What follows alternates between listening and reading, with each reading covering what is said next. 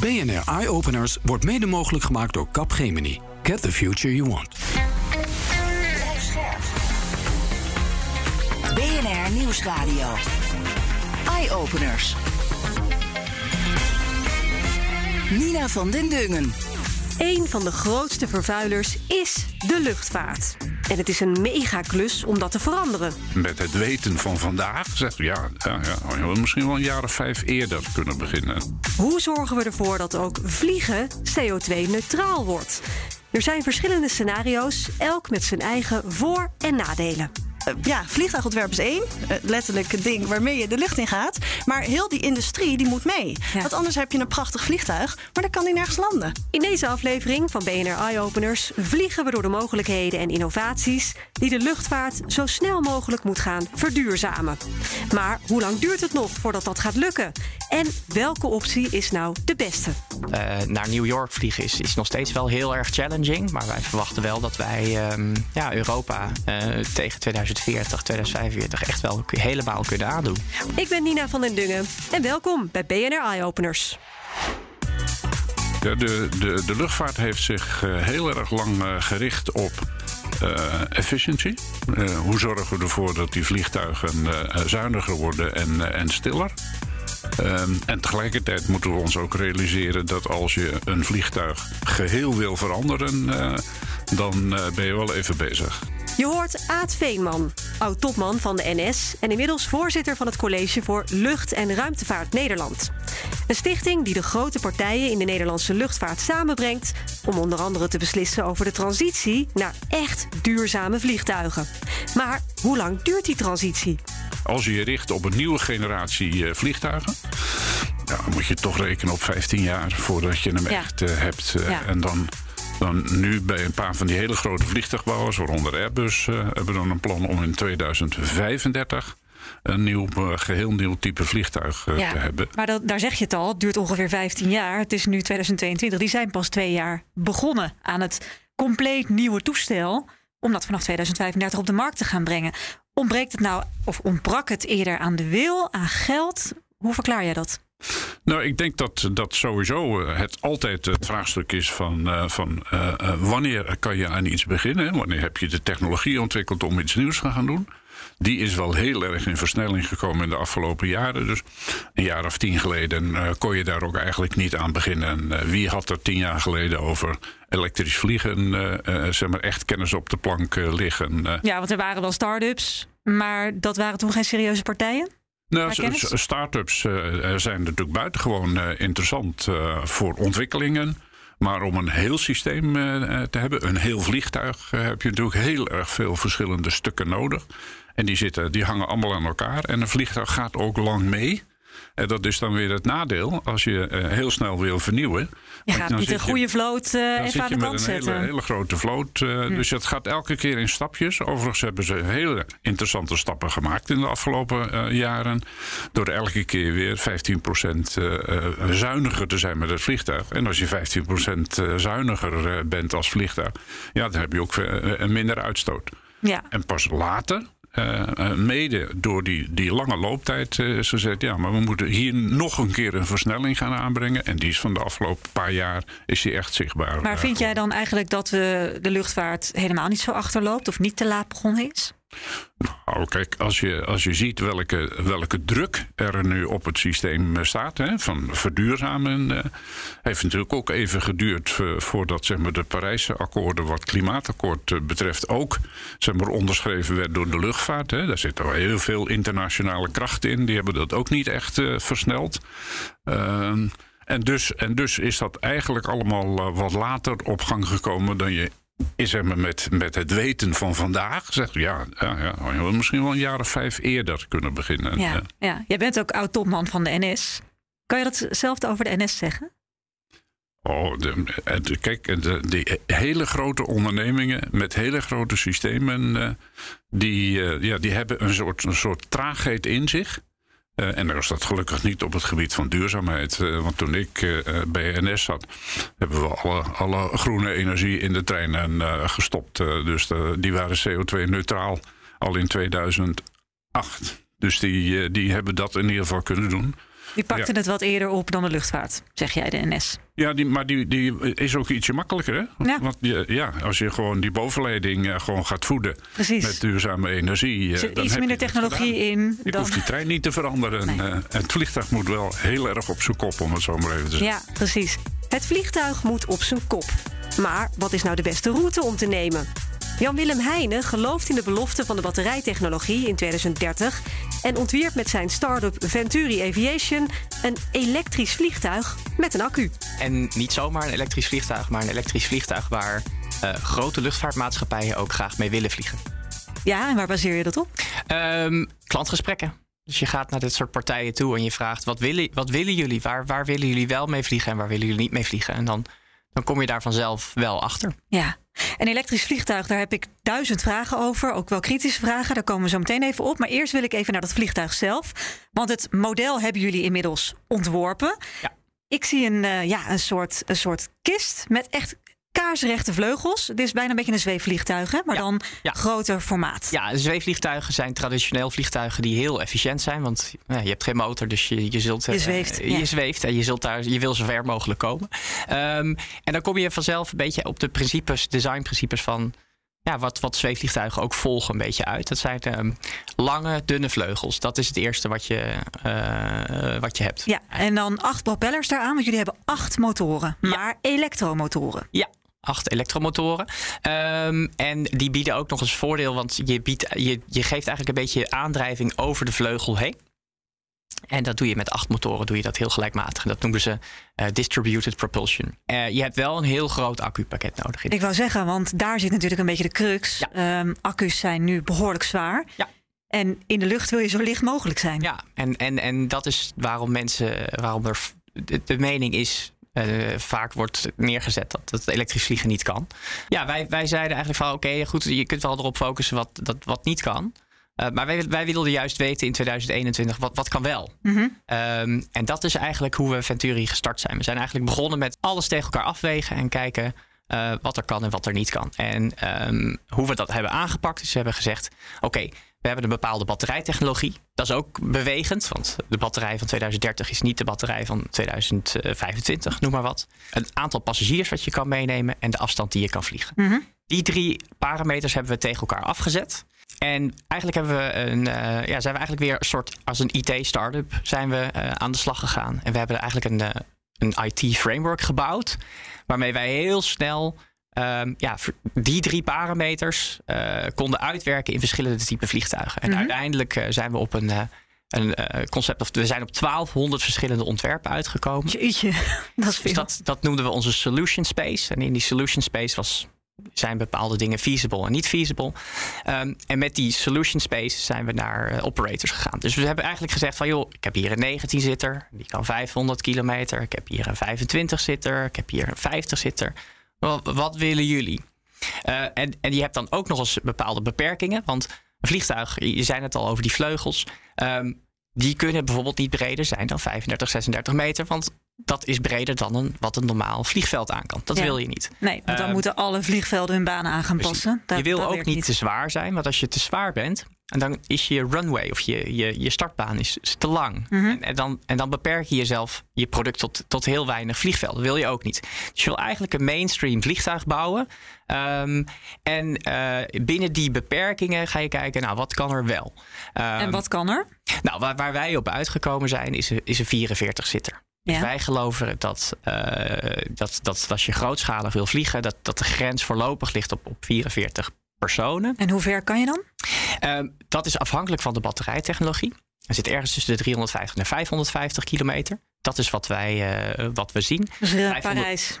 Ja, 550 vanaf 2030 met de batterijen van 2030 is. is Dus dan is- kun je naar mogelijk. Cannes, Ja. naar Nice. Ja. Spanje haal je niet. Spanje Sevilla. haal je inderdaad eh, nog niet. Niet met de batterijen van eh, 2030. Maar, maar daar zit wel een heel interessant iets in. Want ehm, we weten allemaal dat batterijen van heel ver gekomen zijn.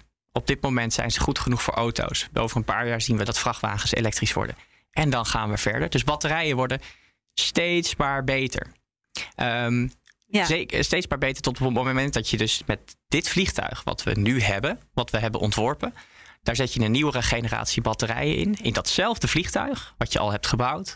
En dan zie je dat je niet 550, maar misschien wel 750 of misschien wel 1000 kilometer kan Dus vliegen. jij verwacht dat dat in decennia, dat je uiteindelijk echt misschien een lange afstandsvlucht kan doen? Dat eh, het ligt er een beetje aan wat lange afstand is. Want eh, naar New York vliegen is, is nog steeds wel heel erg challenging. Maar wij verwachten wel dat wij ehm, ja, Europa eh, tegen 2040, 2045 echt wel helemaal kunnen aandoen. Hoe kan dit interessant zijn voor luchtvaartmaatschappijen? Want je moet nu opboksen tegen de trein, onder andere. Die wordt steeds beter. Europa probeert daar ook in te investeren dat dat echt goed gaat lopen. Ook weer met nachtnetten.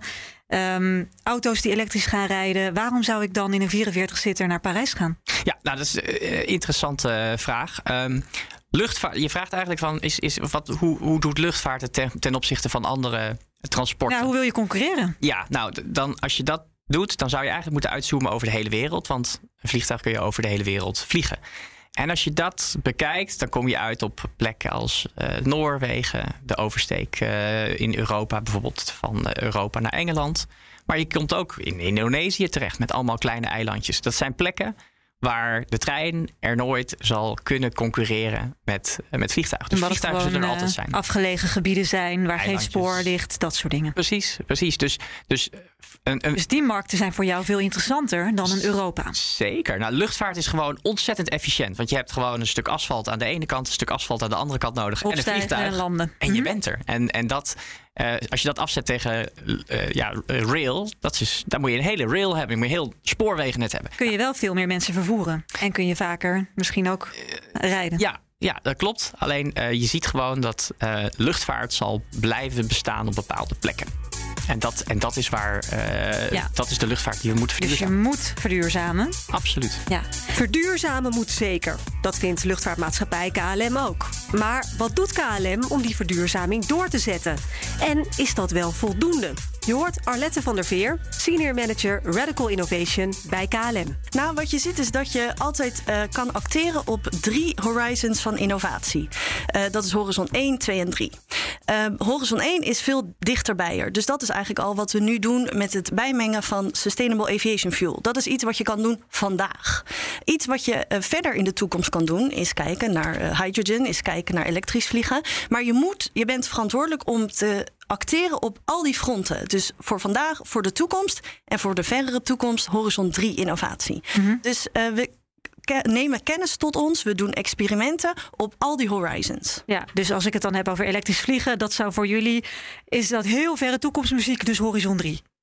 Nou, um, testen daarmee. Um, fysiek kijken hoe past het in ons netwerk. Uh, wat kunnen we doen met passagiersaantallen?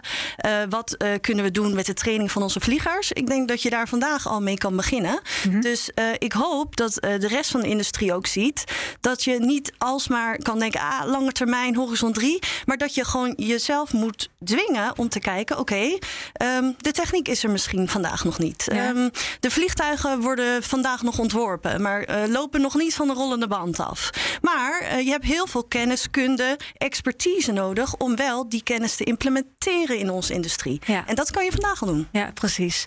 En waterstof, is dat dan bijvoorbeeld een horizon 2 uh, gevalletje? Nou, dat ligt helemaal aan uh, hoe snel onderzoek gaat. Dus uh, wij werken samen met de Technische Universiteit van Delft in het ontwikkelen van de Flying V. het is een vliegtuig wat een vorm heeft van een V. En um, je ziet dat daarin we veel meer duurzaamheidsdoelstellingen kunnen gaan behalen. als je op dit moment alleen zou kiezen van we gaan dat volledig elektrisch ontwikkelen of we gaan dat volledig waterstof ontwikkelen, dan um, sla je jezelf waarschijnlijk op lange termijn in de vingers. Dus op dit moment wordt dat parallel onderzocht. Hm. En wordt er nog geen keuze gemaakt, uh, nog geen pad linksaf of rechtsaf gekozen, omdat je die technologie nog verder moet ontwikkelen voordat je een keuze maakt. Ja, je wil eigenlijk alle opties grondig onderzoeken. Voor te, ja, om te kijken wat dan het beste bij KLM past. En ik denk ook wat de goedkoopste optie is. Want ja, kost klauwen met geld, dit verduurzamen. Ja, en de infrastructuur. Je moet ook uh, bedenken van, uh, je hebt, ah, oké, okay, een nieuw vliegtuigontwerp, uh, prachtig. Daar zou je veel duurzaamheid mee kunnen behalen. Maar die hele supply chain daaromheen en de infrastructuur daaromheen, vliegvelden, collega's die de grondafhandeling doen, bagage, cargo, al die collega's die moeten ook met dat vliegtuig werken. Ja. Dus je ziet dat eh, ja, vliegtuigontwerp is één. Uh, letterlijk het ding waarmee je de lucht in gaat. Maar heel die industrie die moet mee. Want anders heb je een prachtig vliegtuig, maar dan kan die nergens landen. Of uh, dan heb je een prachtig vliegtuig, maar dan kan die nergens worden afgehandeld of worden hergetankt. dus je ziet dat, dat verduurzamen echt een complexe materie is en een ecosysteemoplossing ja. nodig heeft. Ja, precies. Ja. KLM hangt natuurlijk gewoon op Schiphol. Jullie zijn bijna een eenheid. Um, in hoeverre moet Schiphol hier ook uh, van alles gaan aanpassen, nu al aan, aan het, eigenlijk het vliegen van morgen, terwijl je misschien nog helemaal niet weet wat dat vliegen van morgen precies gaat inhouden? Ik denk dat het betere woord uh, experimenteren is en niet aanpassen. Want wat je ziet is, dat is ook echt een legacy van onze industrie, um, dat, dat er veel um, uh, uh, ook wordt keuzes gemaakt op, op aannames. En dat je eigenlijk veel beter uh, lang die aannames kan testen, onderzoek kan doen. dus um, ruimtes kan creëren met Schiphol, met KLM, waarin je samen gaat kijken van hé, hey, bijvoorbeeld hoe ziet het jaar 2035 er voor ons uit? Ja. En dat dan daar testen in een veilige omgeving um, en daarvan leren en dat dan zo uitbreiden. Ja. Want je ziet dat met die nieuwe technologieën, je die kleine kritieke massa, en dat zijn dus de mensen die die experimenten draaien, uh, daar je kan gaan uitbouwen. Ja, je moet letterlijk een pilot doen, hè, piloot? Je moet letterlijk een pilot ja, doen. Want met die V-vliegtuigen heb je waarschijnlijk een compleet andere gate nodig. Ja, uh, andere grondafhandeling. Uh, andere slurf. Andere slurf. Uh, andere equipment voor de catering. Ja. Um, en je ziet dat als je dus. Wat, wat inherent zit in de luchtvaartindustrie is dat men heel graag wil werken, wil werken. en de allerlaatste beste versie aan peers willen laten zien. Um, tot een product helemaal in de laatste fase is, of het nou software is of hardware, maakt niet uit. Vindt men ontzettend lastig. Ja.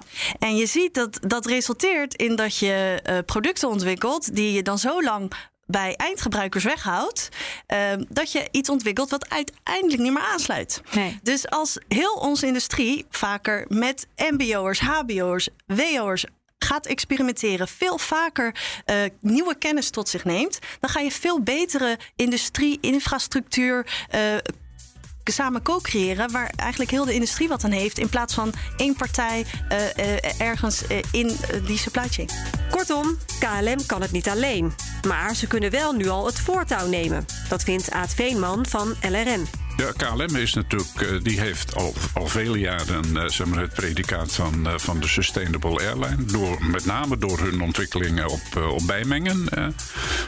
wat natuurlijk zeg maar, op dit moment ook voorhanden is. Ze hebben natuurlijk ook zeg maar de ontwikkeling naar biobrandstoffen ondersteunen ze met Sky Energy. Dus dus die, die, die, die proberen, maar dat is allemaal langs de route van. compenseren of niet? Bij, bijmengen. Bijmengen. bijmengen. Mm. Ja. Dat, dat zet gewoon het meeste zoden aan de dek. Ja. En dat je CO2-compensatie kan doen uh, via het ticket wat die mensen uh, zeg maar, bij kunnen kopen, om het zo maar voor compensatie.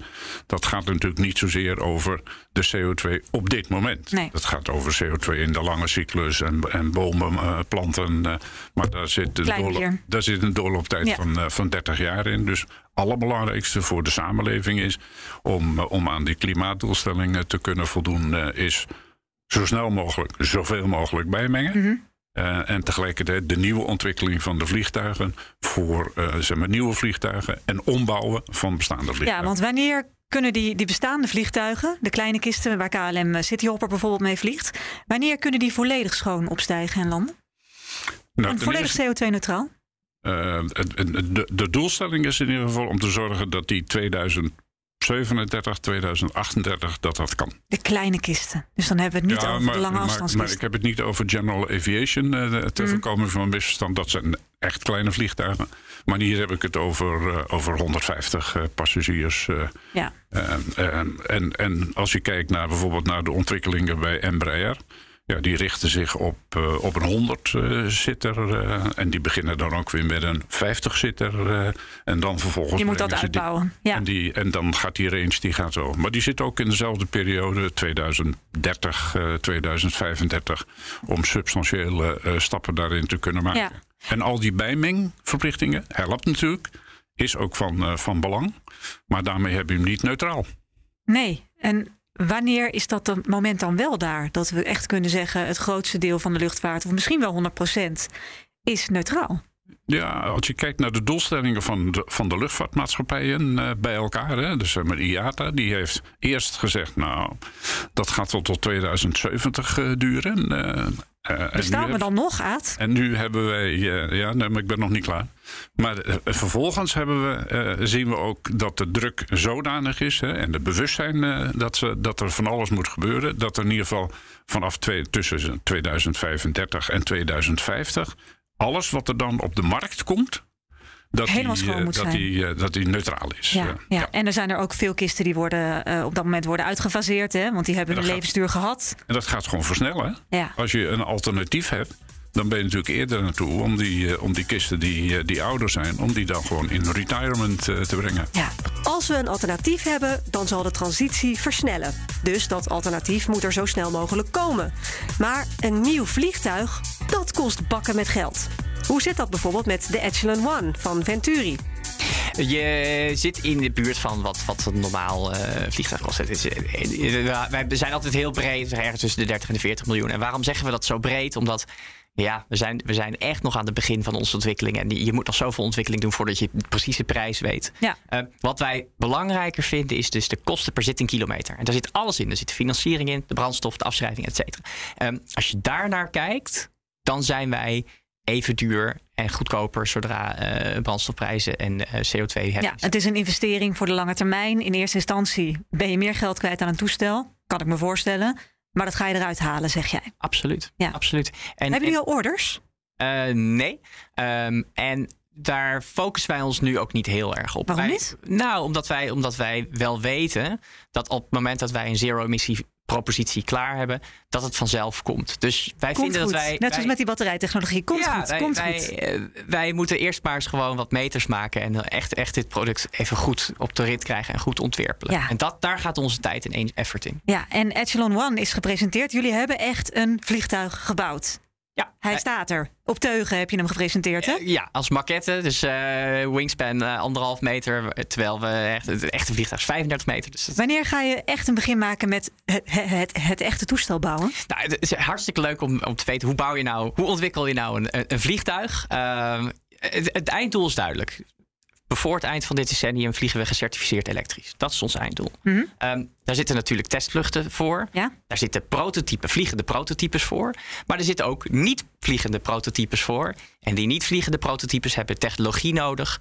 Um, waarmee je kan bewijzen dat het kan. Nou, wij zitten nu in de technologiebewijsfase. Dus wij zijn bezig met de ontwikkeling van aviation grade battery packs. Waar wij het nog niet over hebben gehad, is de oplaadduur van de Echelon One. Ja. Het is een elektrisch vliegtuig. Ja. Um, er zit dus ook geen, geen uh, kerosinemotor in, hè? Er is, er is geen optie. Nee.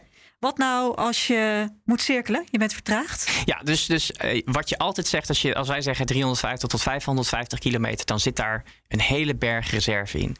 De onderste 5 en de bovenste 5 procent van je batterij wil je nooit gebruiken nee. vanuit technische overwegingen. Uh, je wil altijd een, uh, een reserve over hebben om te kunnen cirkelen. En je wil een diversion airport wil je behalen. Dus wij hebben uh, die mogelijkheden. Dat zijn mm. altijd afstanden waarbij er nog heel veel reserve bij je in zit. Ja, dus dat cover je. Ja. Um, hoe lang duurt het dan om dat toestel weer op te laden voor de volgende vlucht? Want KLM die doet ook een retourtje, die gaat meteen terug. 35 minuten. En dat kan op elk, op elk vliegveld? Wat moet een vliegveld daar nou, voor dat, aanpassen? Uh, uh, misschien is het uh, hoe, wij hiermee, hoe wij hiermee omgaan. Is, is wij zien we zelf ook wel dat een, dat een operator, een, een, een KLM of een, een, een Transavia. Die zal nooit zeggen, oh, dit, dat, dat laden, dat, dat regelen we wel. Daar is het zo'n simpelweg te complex voor. Dus wij zien heel nadrukkelijk dat oplaadinfrastructuur um, voorlopig een deel van onze verantwoordelijkheid zal zijn. En dus wat wij, betekent dat? Betekent dus dat wij zelf ook de laadstations zullen opereren. Hm. En die moet je dus op elk vliegveld waar jij een deal mee hebt... of waar ja. jouw maatschappij op vliegt, moet je iets gaan neerzetten. Klopt, ja. En wordt dat dan aan een gate? Dus dan wordt er specifiek één of twee gates ingericht... Ja. die waar elektrische vliegtuigen kunnen, kunnen dat is, aan... Uh, dat is correct, ja. ja. ja. Dat is ook weer een mega-investering. Ja, um, het is eigenlijk gekoppeld aan een grotere visie. Um, en, en hoe we dat zien is dat... Um, een, een, batterij gaat ongeveer duizend cycles gaat die mee. Betekent dus dat als je hem oplaadt, dat is één cycle. Een auto, een, een, een persoonauto, laat je misschien één keer of twee keer per week laat je hem op. Mm -hmm. Een elektrisch vliegtuig vliegt zes keer per dag. Dus ja, betekent dus gaat dat een half jaar mee. Een half jaar tot een jaar. Maar wat wij zien is, een, een, een vlucht is niet een volledige cycle. Dus dat betekent dat we ongeveer een schatting maken van een, ongeveer een jaar per, per, per batterijpack. dat is kort zeg. Dus ieder jaar gaat er een battery pack uit en weer een nieuw battery pack in. Voor ons is dat een enorme opportunity. Want wij zien dus dat ieder jaar een bestaand vliegtuig meer afstand krijgt. Omdat hij een betere batterij Omdat hij krijgt. betere batterijen Mhm. krijgt. En die batterijen die wij uit het vliegtuig halen, die zijn nog voor 85% goed. Betekent dus dat die batterijen nog jarenlang mee kunnen gaan. En wat wij ermee doen, is wij pakken die batterijen eruit, plaatsen ze in de infrastructuur van het, eh, van het vliegveld in een, in een containertje. Bij, eh, Bij een gate. Bij een gate. Ehm, en, en die batterij die staat daar. En wat die staat te doen, hij staat te wachten tot de zon schijnt.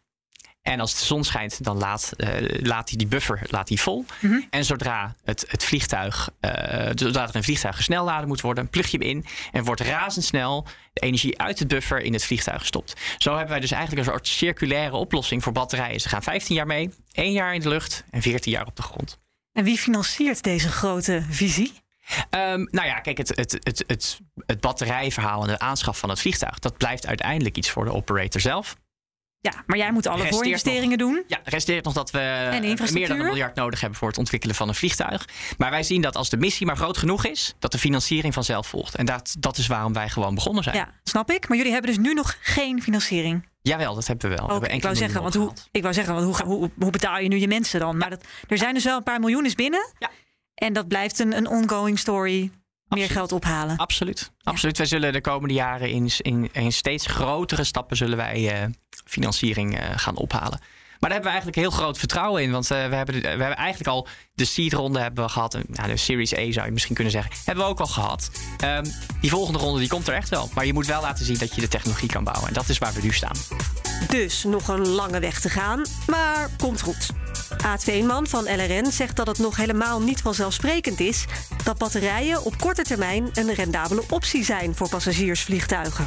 Voor de korte afstand en voor de middellange afstand eh, zal dat overigens ook nog wel een, eh, een groot aantal jaren duren. En kan alleen maar tot een succes komen, in mijn waarneming, wanneer er ook tegelijkertijd nog een enorme doorbraak gaat komen, eh, gedreven door allerlei ontwikkelingen van elektrificatie in die batterij. Ja. Want als die, als die in zijn huidige configuratie eh, is gewoon het gewicht zodanig eh, beperkend dat je niet ver komt of je kan niet veel mensen meenemen. Nee, want je hebt niet batterij al meegenomen. En, eh, Ja. dus, dus daar is wel heel veel aandacht voor. Er zijn overigens prachtige kennisinfrastructuren in Nederland die daar ook voor de, voor de tractie van zeg maar, mobiliteit en automotive daar natuurlijk ook allemaal aan, aan werken. Want die vraagstukken zijn natuurlijk allemaal van dezelfde soort. Nou, en bij Eye-Openers voor hebben wij een fantastische aflevering gemaakt over batterijtechnologie. Zeker. Dus in theorie zou het eh, veel beter moeten zijn over pak een weet eh, tien jaar. Dus als jij zegt, dit, als, als dat gebeurt, dan gaan we inderdaad die volledig elektrische vliegtuigen zien. Maar dat is, we we moeten ons niet vergissen in dat je voor eh, zeg maar alles wat op de aarde eh, eh, zeg maar beweegt, in de zin van, van auto's of stationaire dingen. schepen. Mhm. dat zijn allemaal ehm, eh, activiteiten waarbij het gaat over: ik moet een nieuwe generatie batterijen hebben, want dan kan ik er verder mee rijden. Of ik kan hem sneller opladen.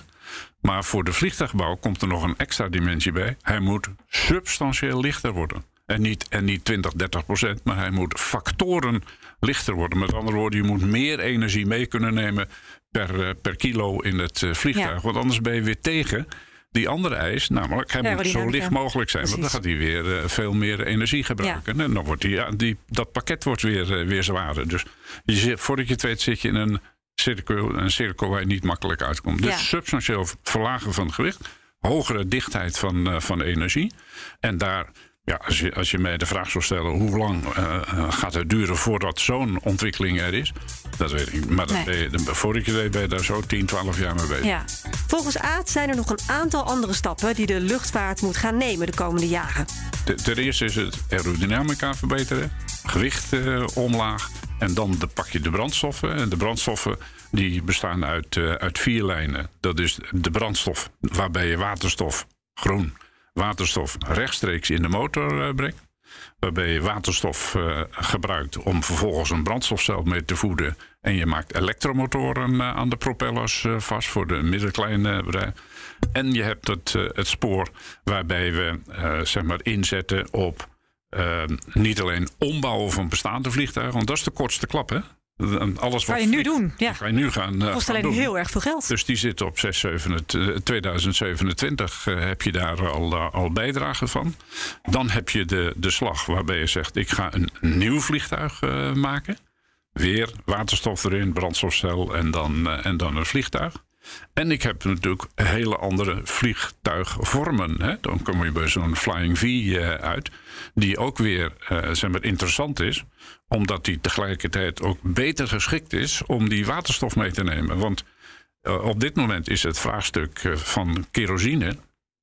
Dat is niet zo heel ingewikkeld. Moet je geen sigarettenpeuken ingooien. Maar, maar je, je hebt gewoon drukloze systemen in je vleugels zitten. Maar zometeen moet ik eh, onder druk met een lichtgewicht component moet ik zorgen dat, dat je die tank mee kan nemen op een veilige manier Ja. met, met waterstof. Dus dan moet je ook nog een keer die, eh, die tankontwikkeling gaan doen. Dus Ja. je, hebt, je hebt een aantal van die sporen die over brandstof gaan. En dan heb ik het nog niet eens gehad over zeg maar, de synthetische kerosine.